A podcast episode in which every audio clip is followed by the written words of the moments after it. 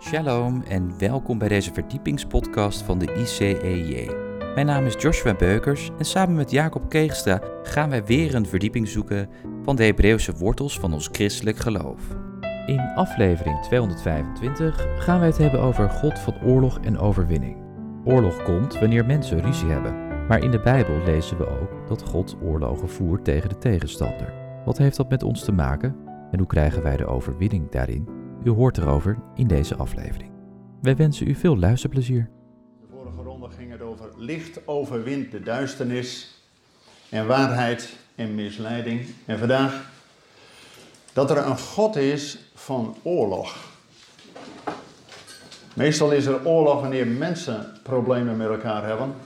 En vroeger laat, laat, leidt dat tot oorlog.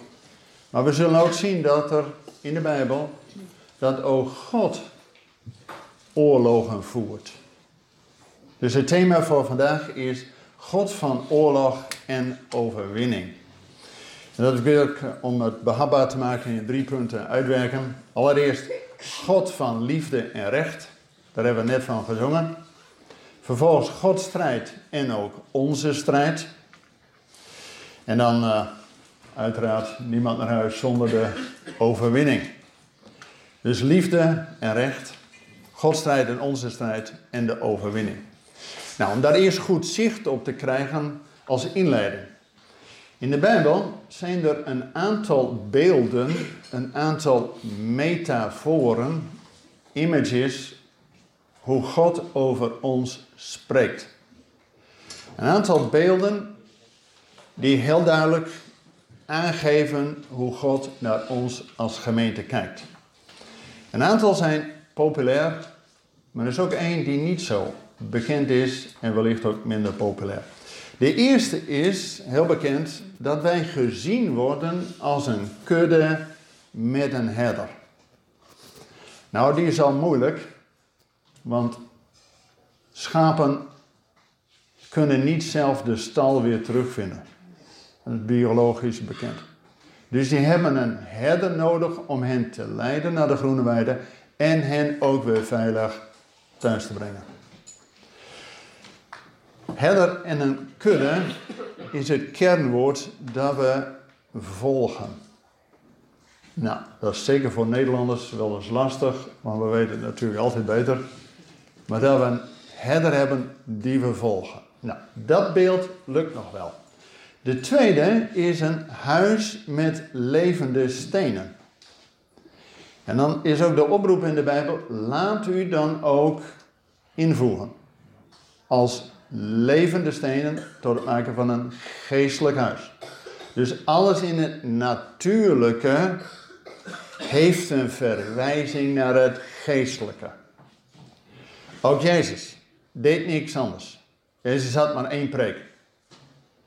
Maar één preek. Het koninkrijk van God. En iedere keer om dat uit te leggen, zei hij: Het koninkrijk van God is als.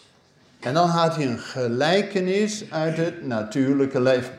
Maar het ging altijd over die geestelijke dimensie. Dus ook huis met stenen is een natuurlijk iets, iedereen herkent het.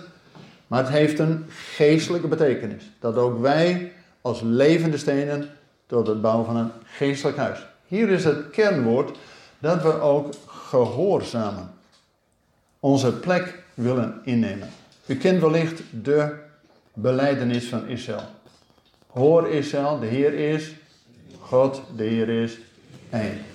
En horen, het kernwoord, heeft natuurlijk alles te maken dat je niet alleen hoort, maar vooral ook gehoorzaam bent. Kijk, wij leven in de Griekse cultuur. Wij horen van alles, maar we doen niets anders. En de Bijbel is, als je hoort, dan doe je wat je gehoord hebt. Ja, dus gehoorzamen is een kernwoord in de Bijbel. Nou, degene derde metafoor die heel bekend is, is als een bruid met een bruidegom. Nou, wie wil dat nou niet? Dat is een beeld wat er natuurlijk ingaat als koek. En dan is het kernwoord liefde. En als je dat in gemeentes keer op keer herhaalt en daarover preekt, dan blijft het kernwoord Johannes 3, vers 16.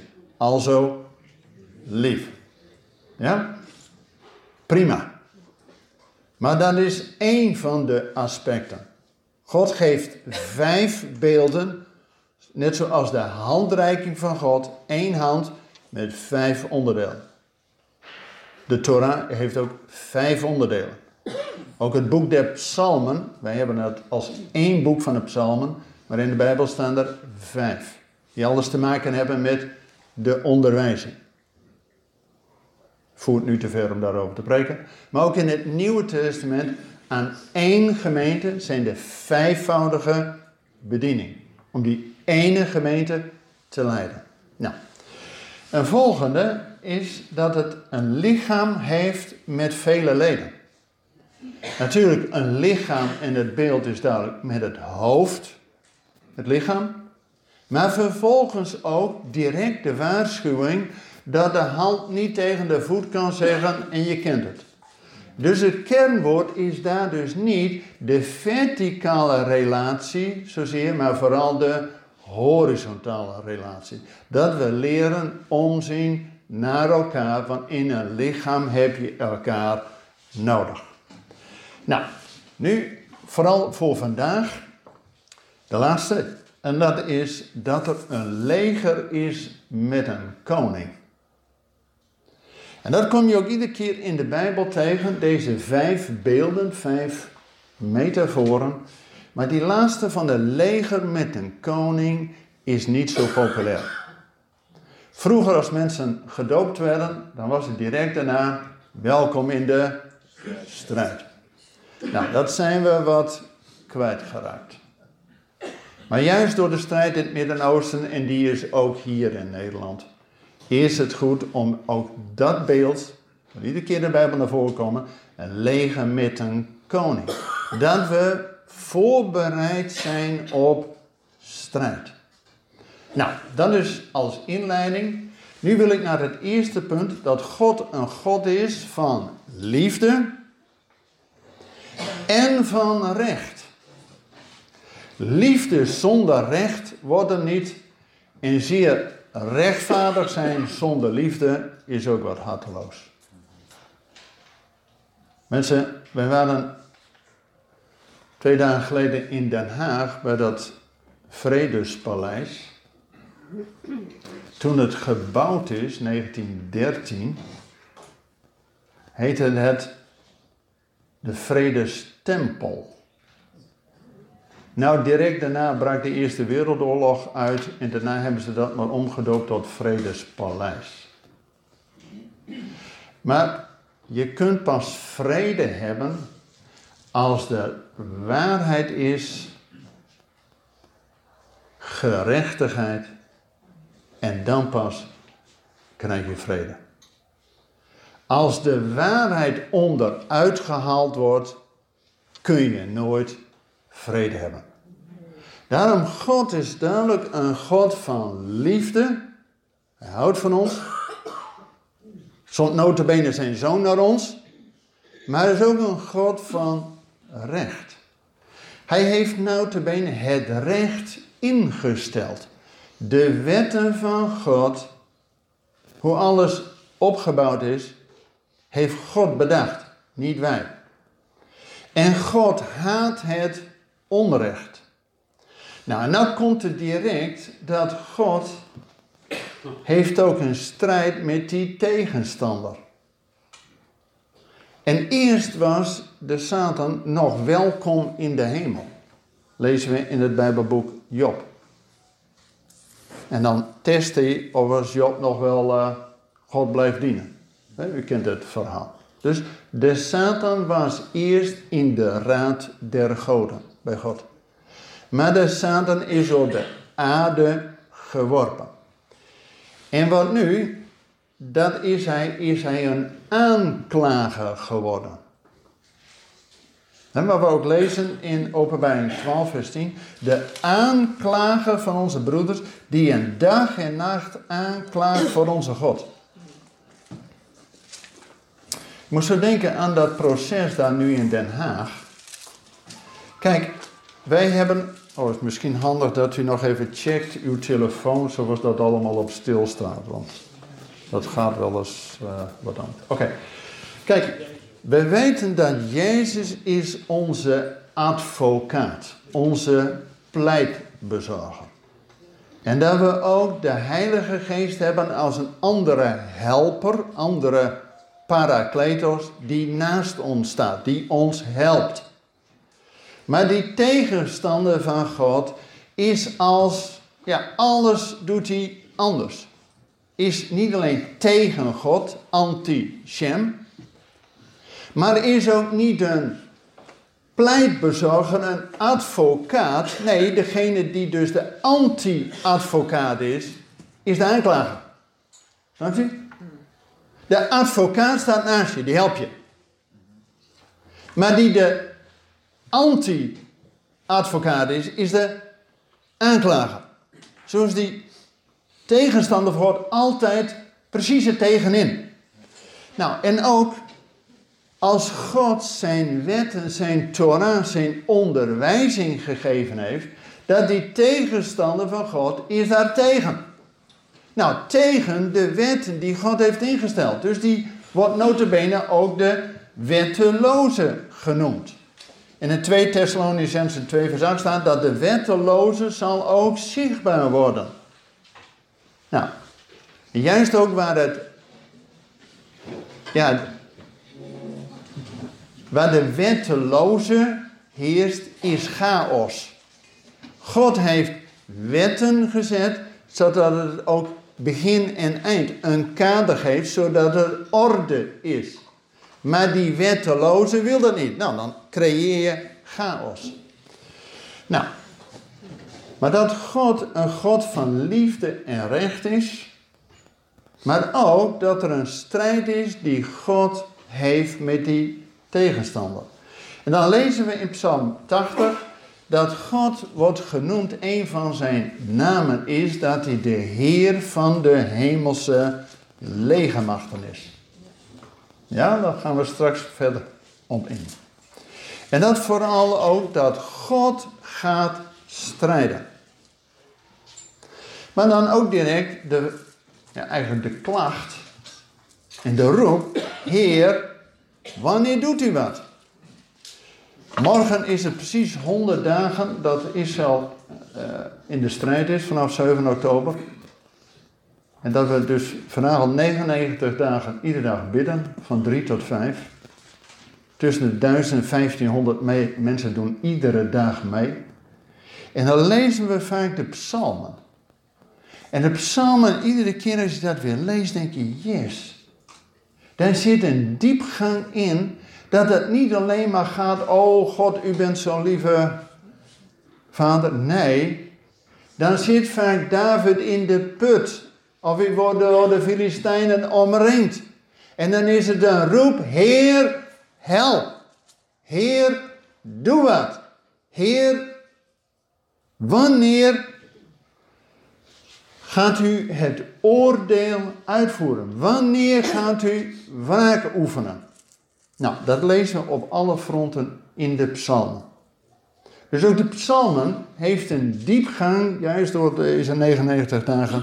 Denk zo, zijn weer aspecten waar we wel eens overheen lezen. En als we het allemaal leuk en veilig en lief in Nederland hebben. Jongens, maar er is wel een strijd gaande. Nou, dus ook direct het eerste lied in de Bijbel. Het eerste lied in de Bijbel wat gezongen wordt, is wanneer Israël door de Schelzee aan de overkant is. En die farao met alles eerst die tien plagen heeft gehad en vervolgens verdrinkt in de Schelzee. Dan wordt het eerste lied in de Bijbel gezongen, Exodus 15, het lied van Mozes. En er staat wel 42 keer in dat God een God van strijd is. Direct al in het begin. Het begint met U bent mijn Heer. Tot U geef ik mijn psalm. Door U zie ik het heil, uw Yeshua. En dan is het, denk vers 3, de Heer is een strijder. Ja? Oké, dus God van strijd. Nou, en dan gaat het verder. Welke strijd heeft God? We hebben direct vanaf 7 oktober gezien dat Hamas, wat betekent geweld, in de lijn van Amalek. Amalek was de kleinzoon van Esau. En die wilde voorkomen dat Israël vanuit Egypte, ze net het eerste lied in de Bijbel gezongen hebben, worden ze opgeroepen om naar de Sinaï te gaan, om een koninklijk priesterschap te ontvangen, de woorden van God te ontvangen, zodat ze daarna het beloofde land dat kunnen uitwerken. Maar precies tussen het eerste lied na de Schelfzee, het eerste lied in de Bijbel, voordat ze vijftig dagen later op de Sinaï zijn, wil Amalek hun via de achterhoede aanvallen. En Amalek, die woonde in Jemen. Zie je, er is niks nieuws in de, onder de zon. Nu ook die Houthis daar in Jemen, die doen niks anders. Jongens, wat hebben die nou met Israël te maken? Maar die wil maar één ding, Israël van de kaart. Ook Hamas, die wil niet dat Israël tot zijn bestemming komt. En het ging er niet om die vijf kibbutzen langs de Gazastrook, maar ze noemden dat direct El Aqsa storm. Mensen, de tegenstanders zijn gefocust. Die weten wat hun doel is. Wij zijn nog wel eens met dit bezig en dat bezig. En ook in het gebed, het gaat alle kanten op. Jongens, we moeten eenparig, doelgericht bidden. Daar gaan we voor. Dit is alleen maar inleiding. Ja, dat we hier zijn is. Jongens, Israël heeft ons geld niet nodig, hè? Maar heeft ons gebed nodig. En als we nu al 99 dagen iedere dag bidden. En daarnaast ook dat 24-7 gebed. Dat ieder uur een volgend land het stokje overneemt. Weer gaat bidden voor Israël, Midden-Oosten en je eigen land. Dan is er een God in de hemel die hoort. Want daar heeft de tegenstand niet op gerekend. Dat nu voor het eerst in 2000 jaar wereldwijd miljoenen gelovigen bidden voor die vrede van Jeruzalem. Daar gaan we voor.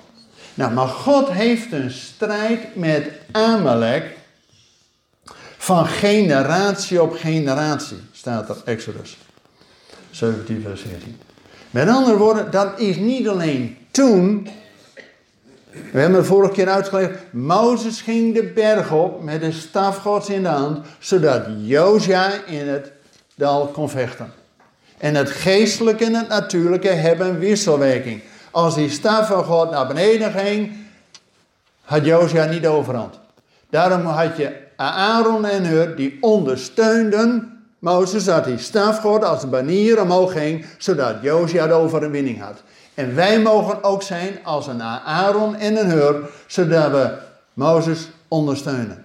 En dat driemanschap, Mozes en Aaron, Hur, Mozes was de profeet, Aaron de priester en Heur de stamvader van Juda waar de koning kwam. Dus dat driemanschap die zijn positie innam, was koning, priester en profeet.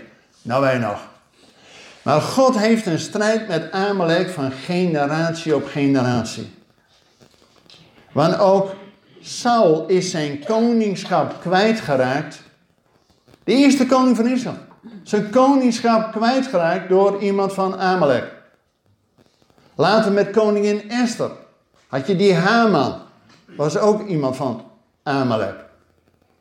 Ja, dus dat gaat van generatie op generatie. Maar ik wil vandaag ook met name nog een ander element toevoegen.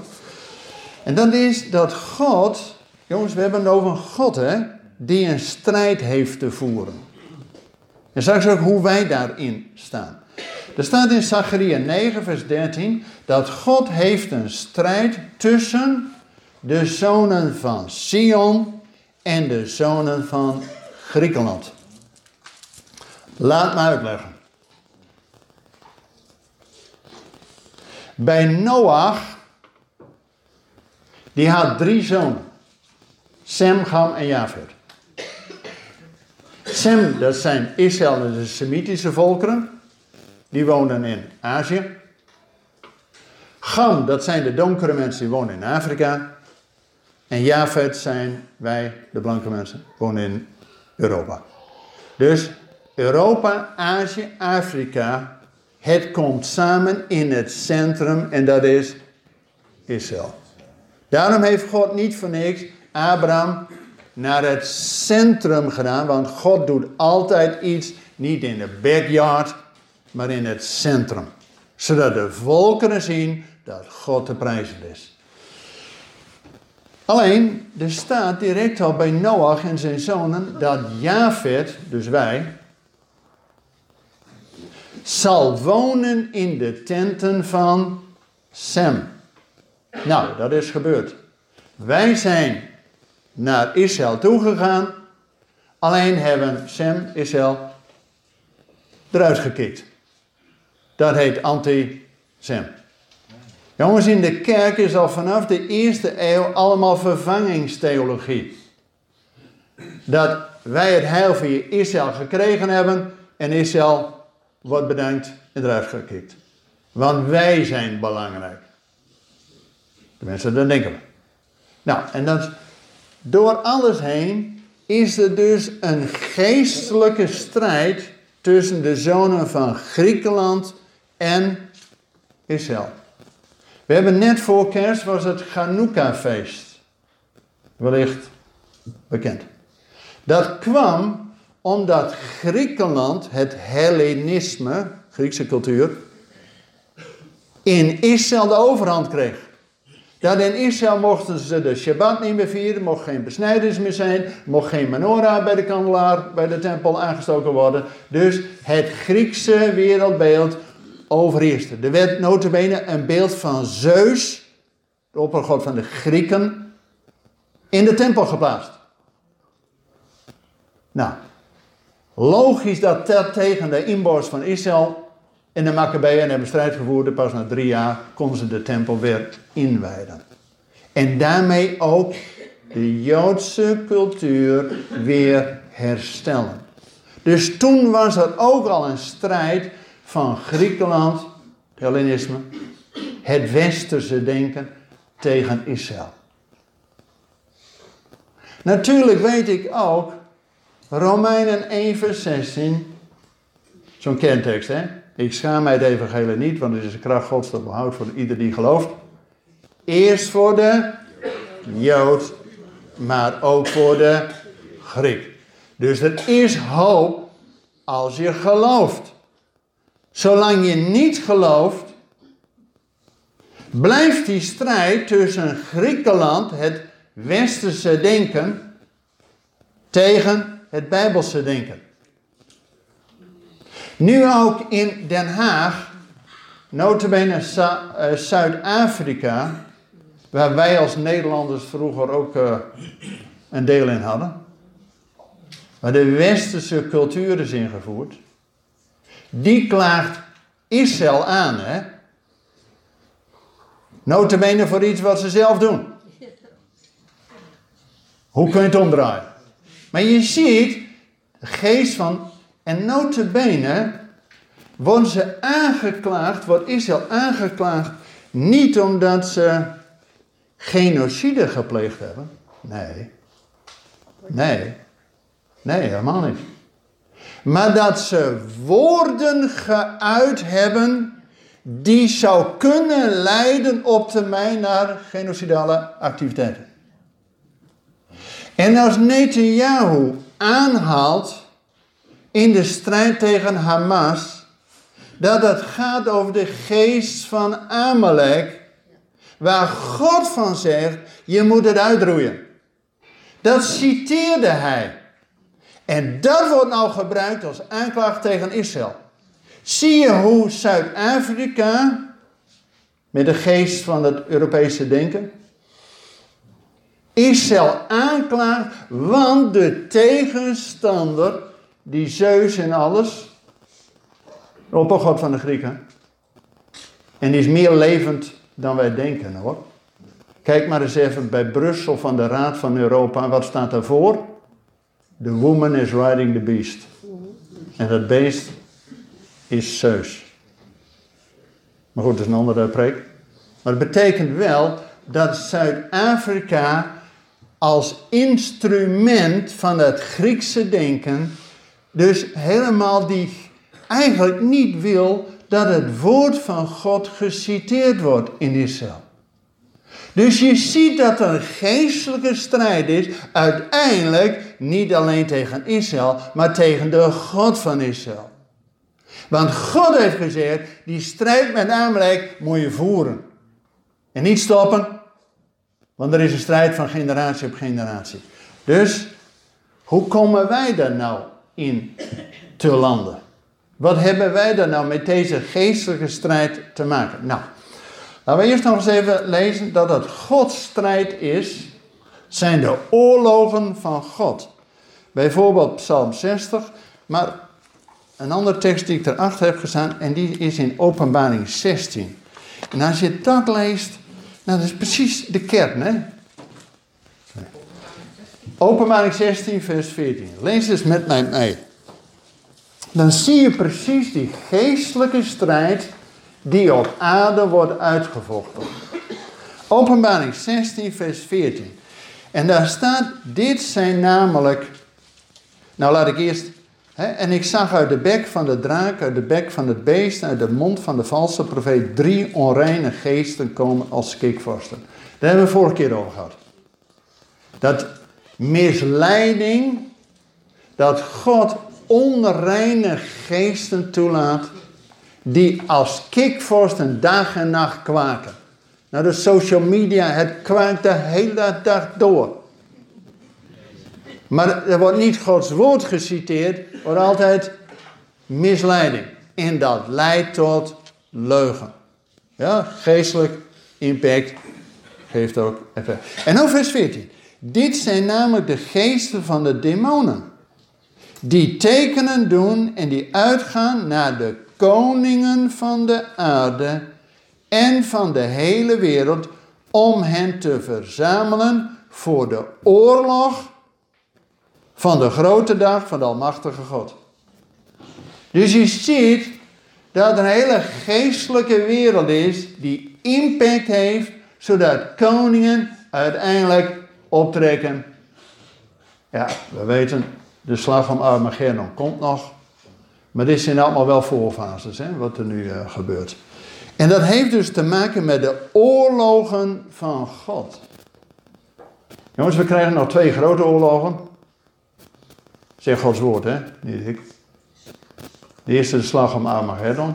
Dan zal hij alle volkeren.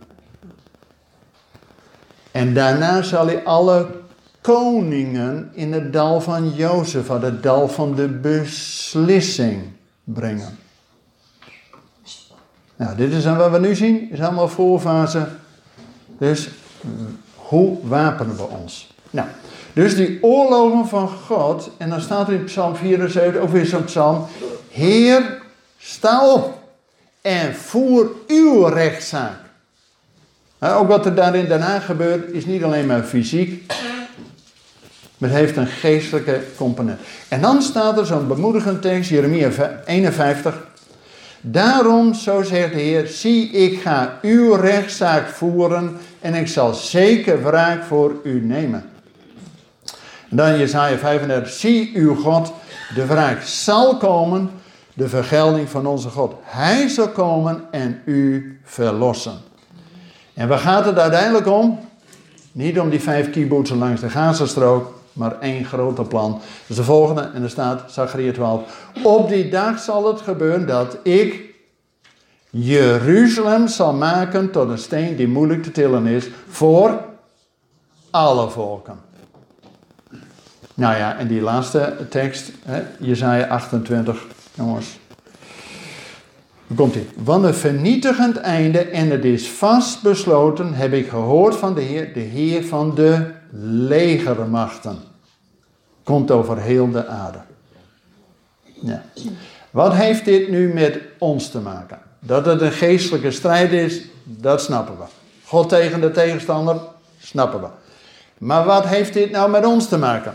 Dat is de volgende, dat lezen we in Openbaring 12. En dan gaat het over de vrouw en de draak. En die voert allereerst strijd tegen het kind wat ze op het punt staat te baren. Dus zodra het kind gebaard is, wordt hij plotseling naar de hemel gebracht. We weten, Jezus geboren en is nu met hemelvaart bij de Vader. Maar dan, en dan staat in openbaring 12 dat die draak dan strijd heeft tegen, en laten we het lezen, vers 17. En de draak werd boos op de vrouw, ging heen om oorlog te voeren tegen de overigen van haar nageslacht, die de geboden van God in acht nemen en het getuigenis van Jezus Christus hebben. Dus, wie zijn dat? zijn wij, hè? Dus, jongens, de tegenstander van God wou natuurlijk eerst Jezus onderuit halen. Nou, al die beproevingen en verzoekingen, dat. Heeft hij alleen maar kunnen doorstaan. Weet u hoe Jezus de tegenstander van God weerstond? Hij zei dus niet, ik ben de zoon van God uh, wegwezen. Nee. Er staat geschreven. En tot drie keer toe een citaat uit Deuteronomium. Weet je waarom Deuteronomium? In Israël beginnen ze op hun derde jaar al met de Bijbel lezen. En dan beginnen ze met het eenvoudigste Hebreeuws.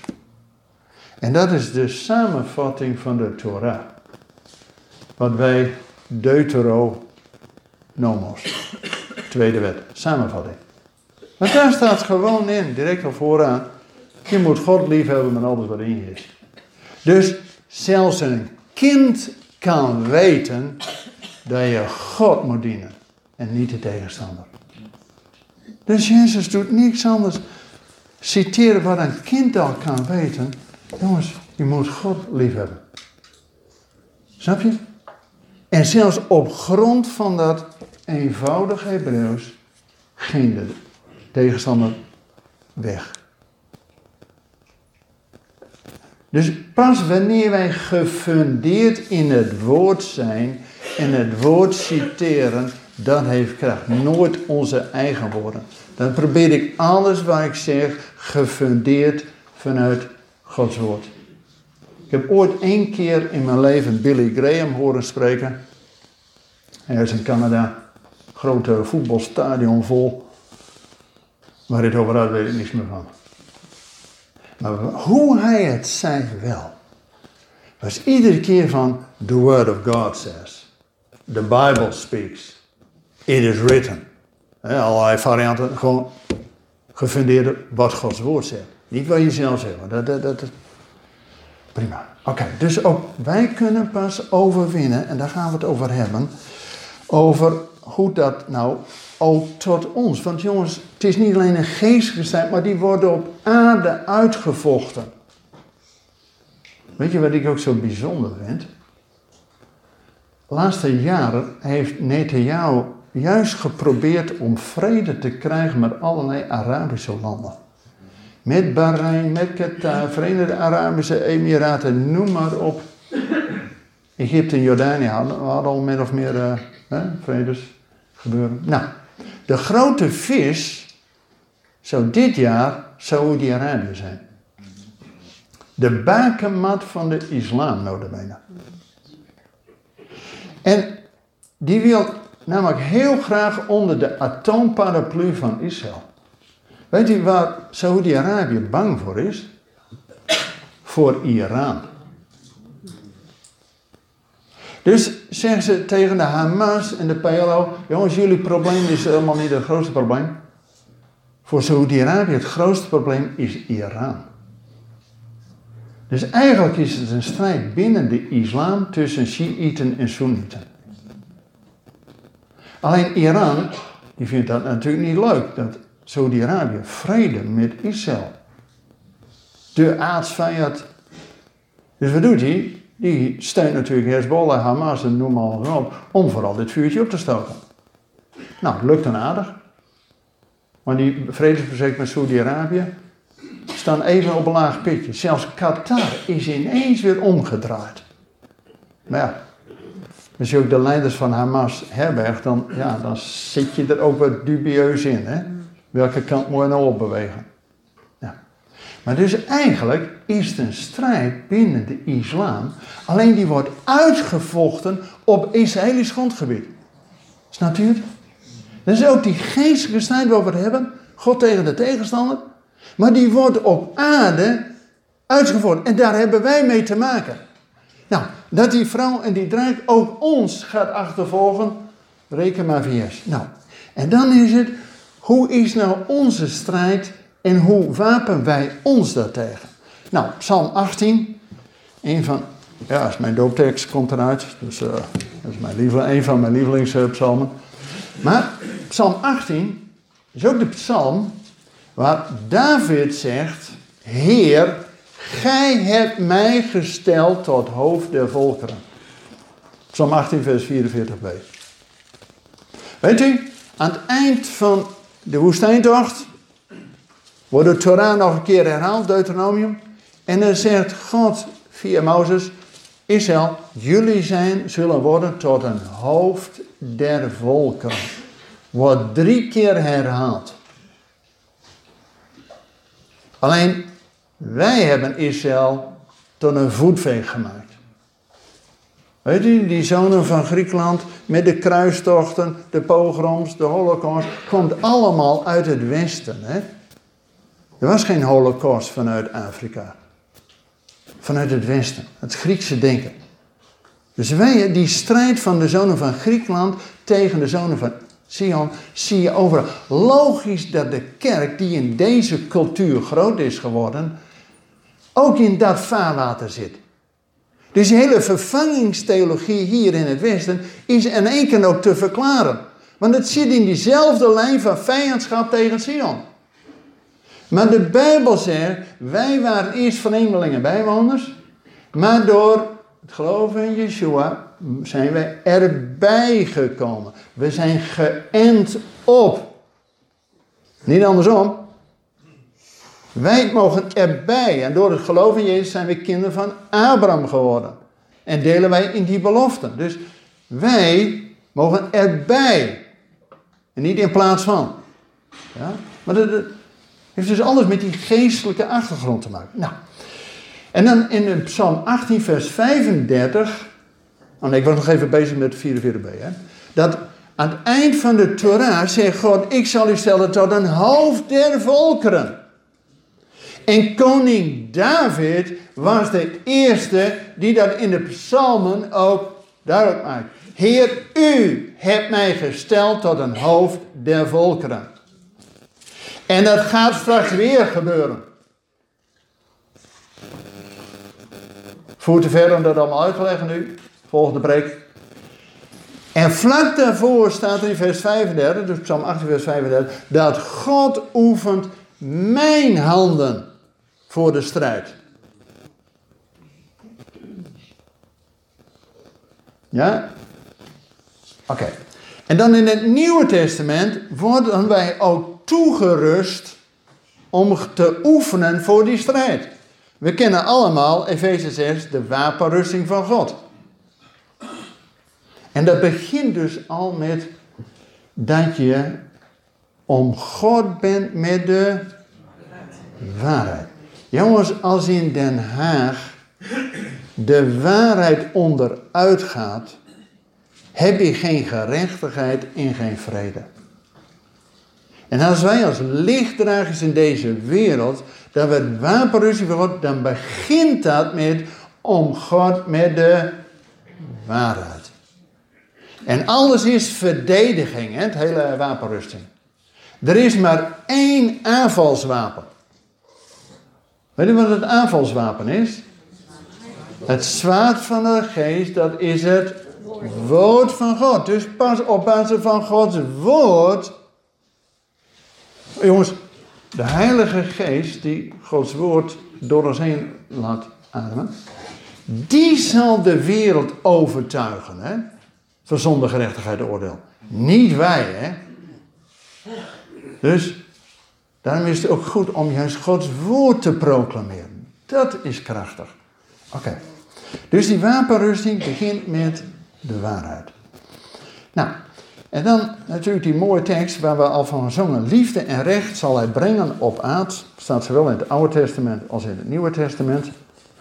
Maar de volgende tekst die ik met jullie wil delen. En dat is wanneer Jezus terugkomt. En zijn voet op de olijfweg zet. Dan staat er in Jesaja 33 een tekst. De Heer is onze rechter. Nou, nou wordt er door wereldse rechters over Israël recht gesproken. Dat is maar de vraag. Maar Jezus komt terug allereerst om recht te spreken. Weet u wat dat voor nut heeft?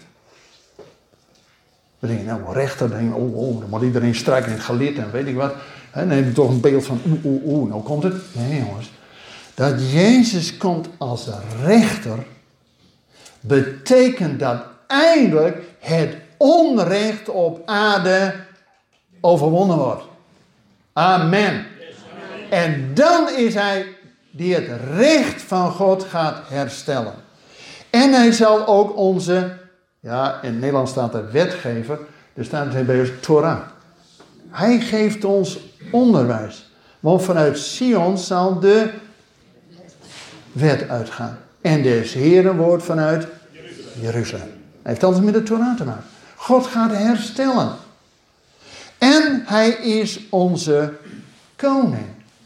Weet je nog die vijf beelden? Die koning heeft met een leger te maken.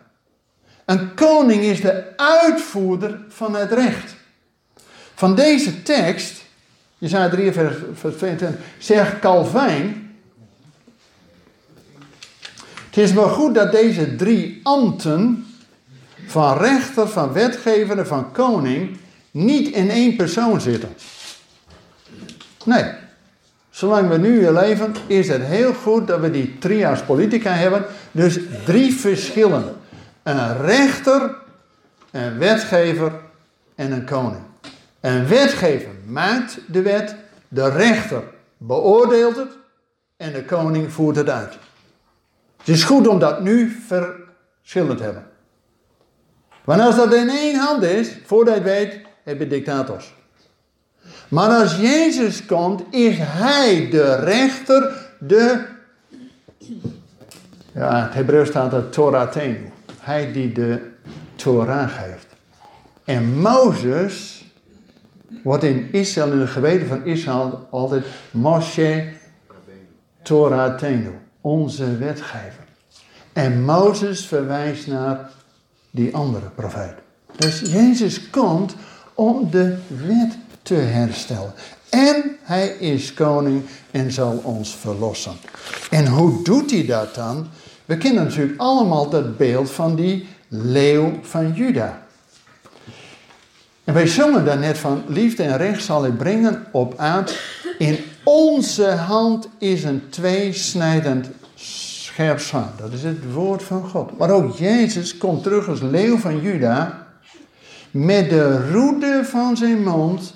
Als een tweesnijdend zwaard zal hij daarmee de tegenstander morgens leggen. Wat mij weer zo opviel.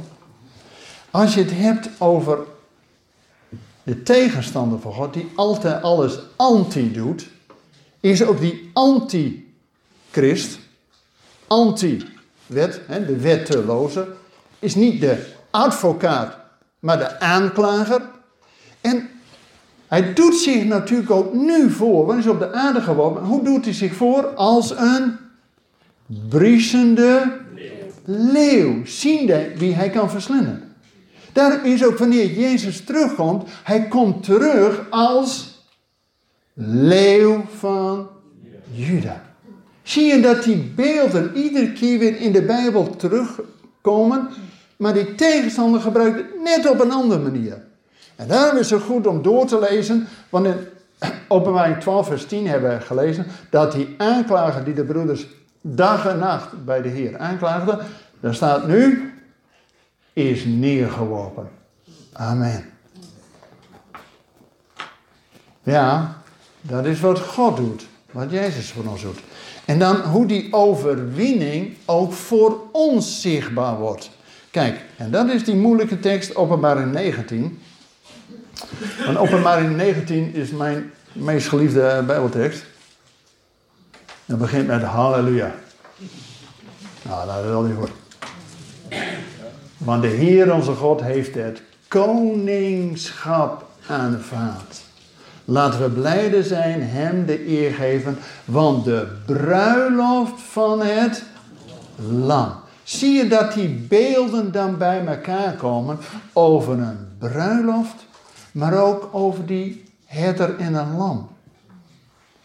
En hij heeft het koningschap aanvaard. En weet u, als je dan doorleest, vers 10, openbaar 19, vers 10, zij, dus wij, hebben die tegenstander overwonnen door het bloed van het lam en het woord van hun getuigenis. Wacht even. Wat is het getuigenis? Wat zegt de Bijbel? Het getuigenis van Jezus is de geest van de profetie. Ja, dus wij hebben een krachtig woord. Maar dan staat er ook bij, en daar lezen wij vaak overheen. Zij hebben die tegenstander overwonnen door het bloed van het lam en het woord van hun getuigenis. En ze hebben hun leven niet lief gehad tot in de dood. Jongens, de strijd gaat een keer komen. En we zijn alleen pas gewapend en voorbereid. De Bijbel zegt ook, waakt en bid. Zodat je niet in slaap valt als die tegenstander nog steeds rondgaat als een bries. Dank u wel voor het luisteren naar deze verdiepingspodcast van de ICEJ. Waardeert u onze podcast? Steun ons dan. Dat kunt u doen door een donatie of door deze podcast te delen met uw vrienden of familie. Ga hiervoor naar icej.nl. Dank u wel voor het luisteren en tot volgende week.